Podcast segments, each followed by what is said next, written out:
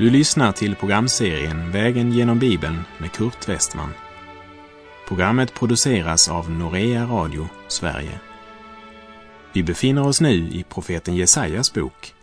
Slå gärna upp din bibel och följ med. Vi har kommit till Jesaja kapitel 34. Och kapitlen 34 och 35 utgör en konklusion på Sionsbokens budskap. Det talar om dom och förlossning. Om och om igen har Jesaja pekat på sanningen att Guds dom är dubbel, det vill säga den kan sluta på två sätt beroende på hur man besvarat Guds uträckta hand. Hela kapitlet står som en kontrast till denna världens filosofi. Och när vi ser oss om i vår värld idag så måste väl även den som är andligt blind inse att det inte är sant när man sjunger det blir bättre och bättre dag för dag. Och inför Jesaja kapitel 34 så skriver Delitzsch Vi känner hur vi förs bort från historiens scen och transporteras mitt in i de sista begivenheter. Vi ska bara ge några korta glimtar från kapitel 34 innan vi sedan vandrar vidare till kapitel 35 vars tema är frälsningen, den heliga vägen. Men låt oss först se den dom Gud uttalar över Edom och alla andra folk. Jesaja 34, vers 1. Träd fram ni folk och hör Lyssna ni folkslag. Jorden och allt som är på den må höra, världen och allt som växer där. I Jesaja 1, vers 2 så kallade Gud himmel och jord till vittne, ja, hela universum, in i rättegångssalen för att bevittna Guds uppgör med nationen Juda. För Gud handlar inte i smyg och leker inte kurragömma med människan. Här i kapitel 34 kallar Gud jordens nationer att bevittna hans dom över nationerna. Vi läser Jesaja 34, vers 2. Ty Herrens vrede är riktad mot alla hedna folk, hans förbittring mot alla deras härskaror. Han överlämnar dem till undergång, han utlämnar dem till slakt. Lägg noga märke till de oerhörda ord som Gud använder här när han ska beskriva sin dom. Vrede, förbittring, undergång, slakt. Domen är universell och allvarlig. Och Herren Jesus har sagt att det ska bli en så stor nöd att något liknande inte har förekommit sedan världens begynnelse och aldrig mer skall förekomma. Och domsbasunerna i Uppenbarelsebokens åttonde till och med elfte kapitel bekräftar också detta. Och vare sig du tror det eller inte, den jord som du och jag lever på går med stormsteg mot Guds dom. Och de flesta människor rusar mot stupet, förblindade av synden och av denna tidsålders Gud. De lever för ögonblicket och har endast det synliga för ögonen. Men all styrka och all imponerande makt i denna värld förgår när Gud överlämnar dem till undergång. Vi läser Jesaja 34, vers 8. Ty dagen för Herrens hämnd kommer, ett vedergällningens år då han utför Sions sak. Sions upprättelse och räddning blir samtidigt Edoms fall. Och det beskrivs med enormt starka ord i verserna 9 och 10. Då blir Edoms bäckar förvandlade till kära och dess jord till svavel. Dess land blir en brinnande kära. Varken dag eller natt ska den branden slockna. Ständigt skall röken av den stiga upp. Från släkte till släkte ska landet ligga öde. Aldrig i evighet ska någon vandra där. Det är domen över Edom. Och i Första Mosebok 36 8 får vi veta att Esau är den samme som Edom. Edom och Esau står som pseudonymer och Esau är samtidigt en bild på köttet. Och i Galaterbrevet 6, verserna 7 och 8 står det Bedra inte er själva. Gud bedrar man inte. Det människan sår ska hon också skörda. Den som sår i sitt kötts åker skall av köttet skörda undergång. Men den som sår i andens åker skall av anden skörda evigt liv. Det som syndens människa idag upplever som en bäck skall i ett ögonblick förvandlas till kära. Och den jord som man sådde i, det vill säga köttet, ska bli till svavel. Och då ska trons folk av anden skörda evigt liv. Edom står alltså som en bild på Guds folks fiender. Och den här profetian gäller inte en lokal händelse utan talar om den eviga förvaringsplats Gud har berett för Satan och hans änglar. Och i Matteus 25, vers 41 står det angående domen. Sedan ska Gud säga till dem som står på den vänstra sidan, gå bort ifrån mig, ni förbannade, till den eviga elden som är beredd åt djävulen och hans änglar. Gud har inte berett den eviga elden för någon människa. Gud vill att alla människor ska bli frälsta och lära känna sanningen. Därför har Gud utgivit sin enfödde son för att var och en som tror på honom inte ska gå förlorad, men ha evigt liv. Men Gud tvingar inte sin räddning på någon. Och Gud kan inte frälsa den människa som väljer att leva i synd. Därför ska många människor på domens dag bli ställda på den vänstra sidan av tronen. Och Jesus säger att till dem ska Gud säga Gå bort ifrån mig, ni förbannade, till den eviga elden som är beredd åt djävulen och hans änglar. Den dag som för Edom blir domen blir räddningen för Sion. Det är domens två resultat, evig undergång och evig frälsning. Och en av dessa grupper tillhör även du. Bered dig att möta din Gud. Från himmelen kommer bud Bered dig att möta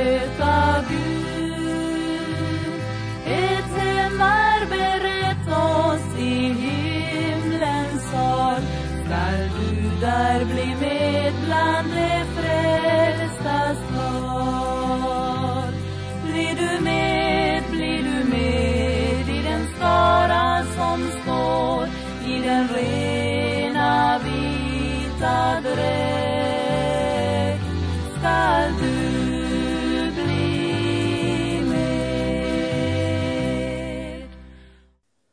När vi nu kommer till Jesaja kapitel 35 så handlar det om att de återlösta ska se Herrens härlighet. När Jesus gav order om att man skulle rulla bort stenen från gravöppningen till Lazarus grav så säger Marta, Herre, han luktar redan och det är fjärde dagen. Då svarar Jesus i Johannes 11.40.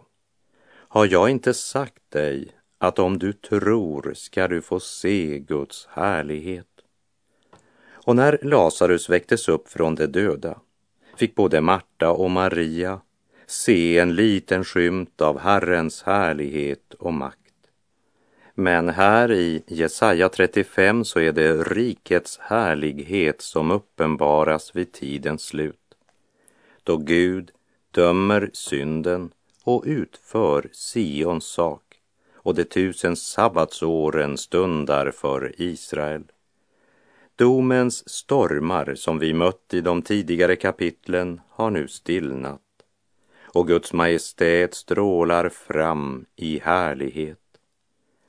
När det gäller skapelsens förlossning så skriver Paulus i Romarbrevets åttonde kapitel, verserna 19 till och med 22.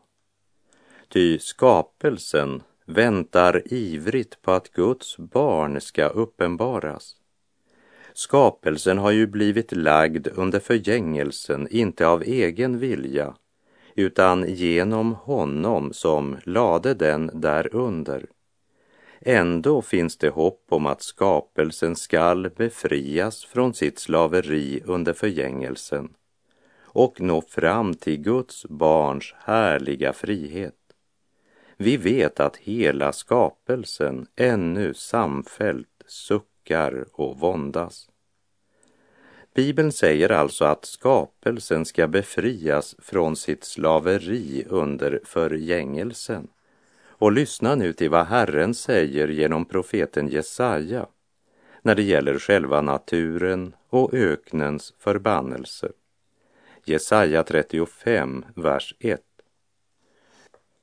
Öknen och ödemarken skall glädja sig, hedmarken fröjda sig och blomstra som en lilja. Det är fantastiska ord. I en tid då ozonlagret minskar oroväckande, flera ökenområden växer från år till år, luftföroreningen fyller jorden.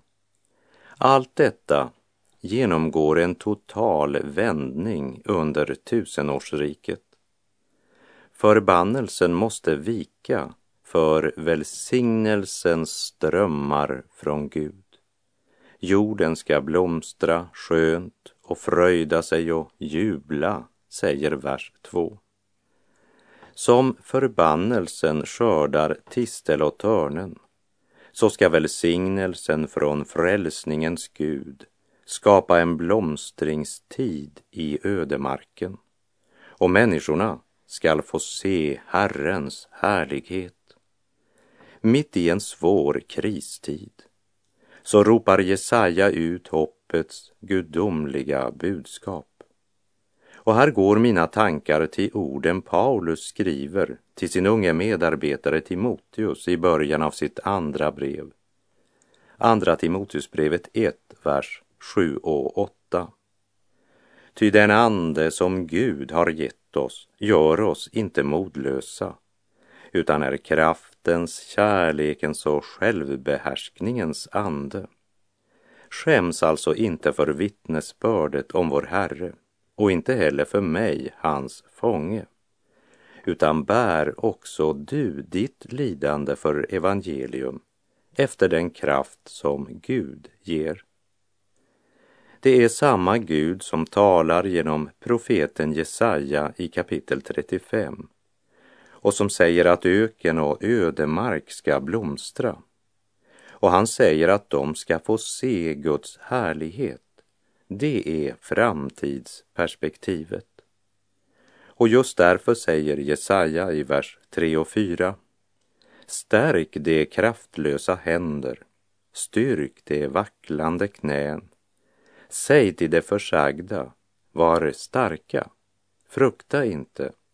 Se, er Gud kommer med hämnd, vedergällning kommer från Gud. Han kommer själv och frälsar er. Mitt i en ond värld kan de som tillhör hoppets Gud bringa en ström med levande vatten därför att Guds ande bor i deras hjärtan. Jesus uttrycker det så här i Johannes 7, 38. Den som tror på mig, ur hans innersta ska strömmar av levande vatten flyta fram som skriften säger. Och så står det i nästa vers. Detta sade han om anden som det skulle få som trodde på honom. Jesaja ropar stärk de kraftlösa händer, styrk de vacklande knän. Säg till de försagda, var starka, frukta inte.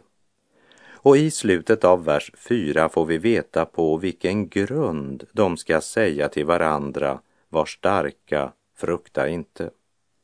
Gud kommer själv och frälsar er. Och jag känner att vi måste stanna ett ögonblick inför denna korta men fantastiska sättning. Gud kommer själv. Och låt oss för ett ögonblick tänka över vad det innebär. Den allsmäktige, evige Gud sänder oss inte bara hjälp, han kommer själv.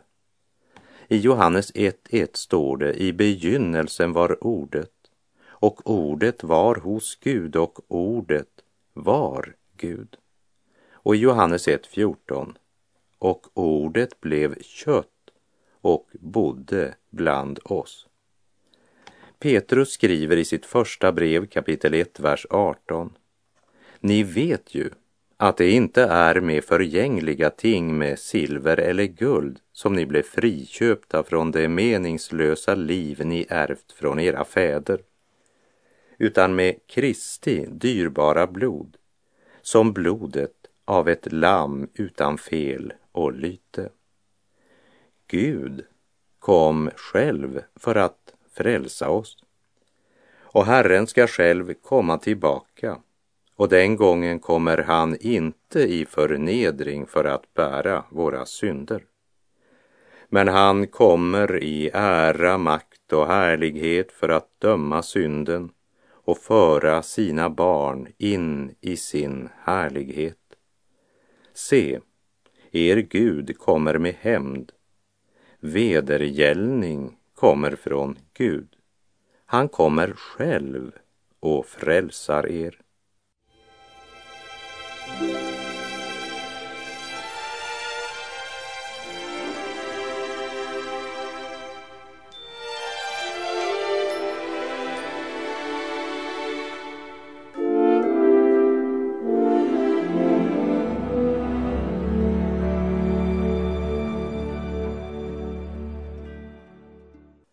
Johannes skriver i Uppenbarelseboken 20, vers 1 och 2. Och jag såg en ängel komma ner från himlen med nyckeln till avgrunden och en stor kedja i handen.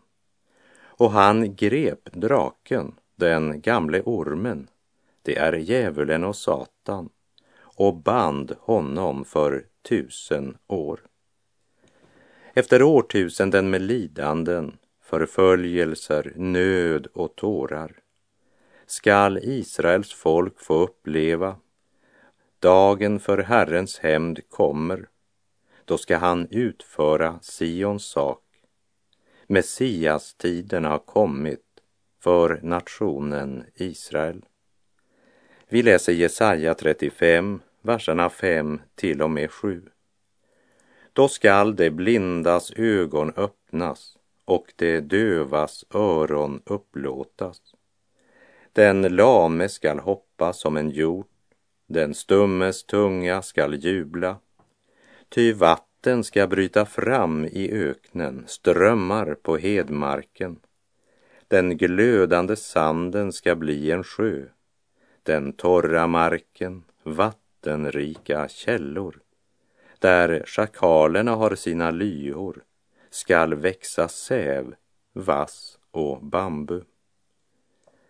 När Johannes döparen satt fängslad så sände han bud till Jesus och frågade Är du den som skulle komma eller ska vi vänta på någon annan? Och då svarar Jesus så här i Matteus 11, vers 4 och 5. Gå och berätta för Johannes vad ni hör och ser. Blinda får sin syn. Lama går, spetälska blir rena, döva hör, döda uppstår och för fattiga predikas glädjens budskap. Jesus svar är bemärkelsesvärdigt och kan bara förstås i ljuset av de kännetecken som var givna om Messias i det gamla testamentet, som till exempel i Jesaja 35, verserna 5 och 6.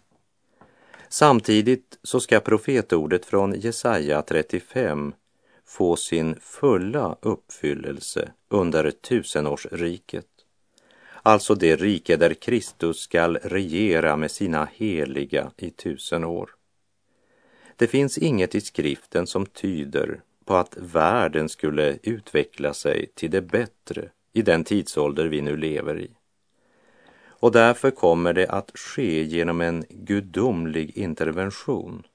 Och då ska profetian i Jesaja 35 få sin slutliga uppfyllelse.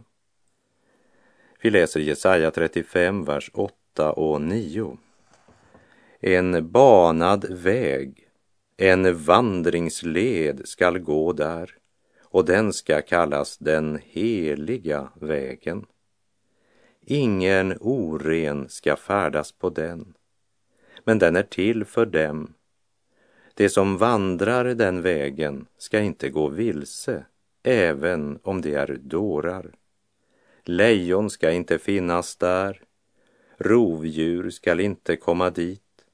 Det skall inte finnas där, men de återlösta skall färdas på den. Det blir alltså sagt att det är en banad väg, det vill säga den är beredd av Gud. Och vid den här tiden ska många gå på den vägen. Den kallas för den heliga vägen. Det vill säga vägen där man lever avskild för Herren. Där man har blivit rättfärdiggjord av Gud. Det står som rättfärdiga utan att ha förtjänat det av hans nåd därför att Kristus har friköpt dem.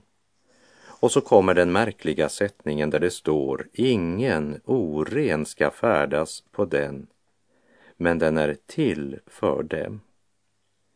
Hur kan det sägas att inga orena ska färdas på den och samtidigt sägas att det är för dem som vägen egentligen är till? Alla människor är ju orena. Romarbrevet 3.10 säger det står skrivet, ingen rättfärdig finns, inte en enda. Och Romarbrevet 3, vers 23 och 24 säger alla har syndat och saknar härligheten från Gud.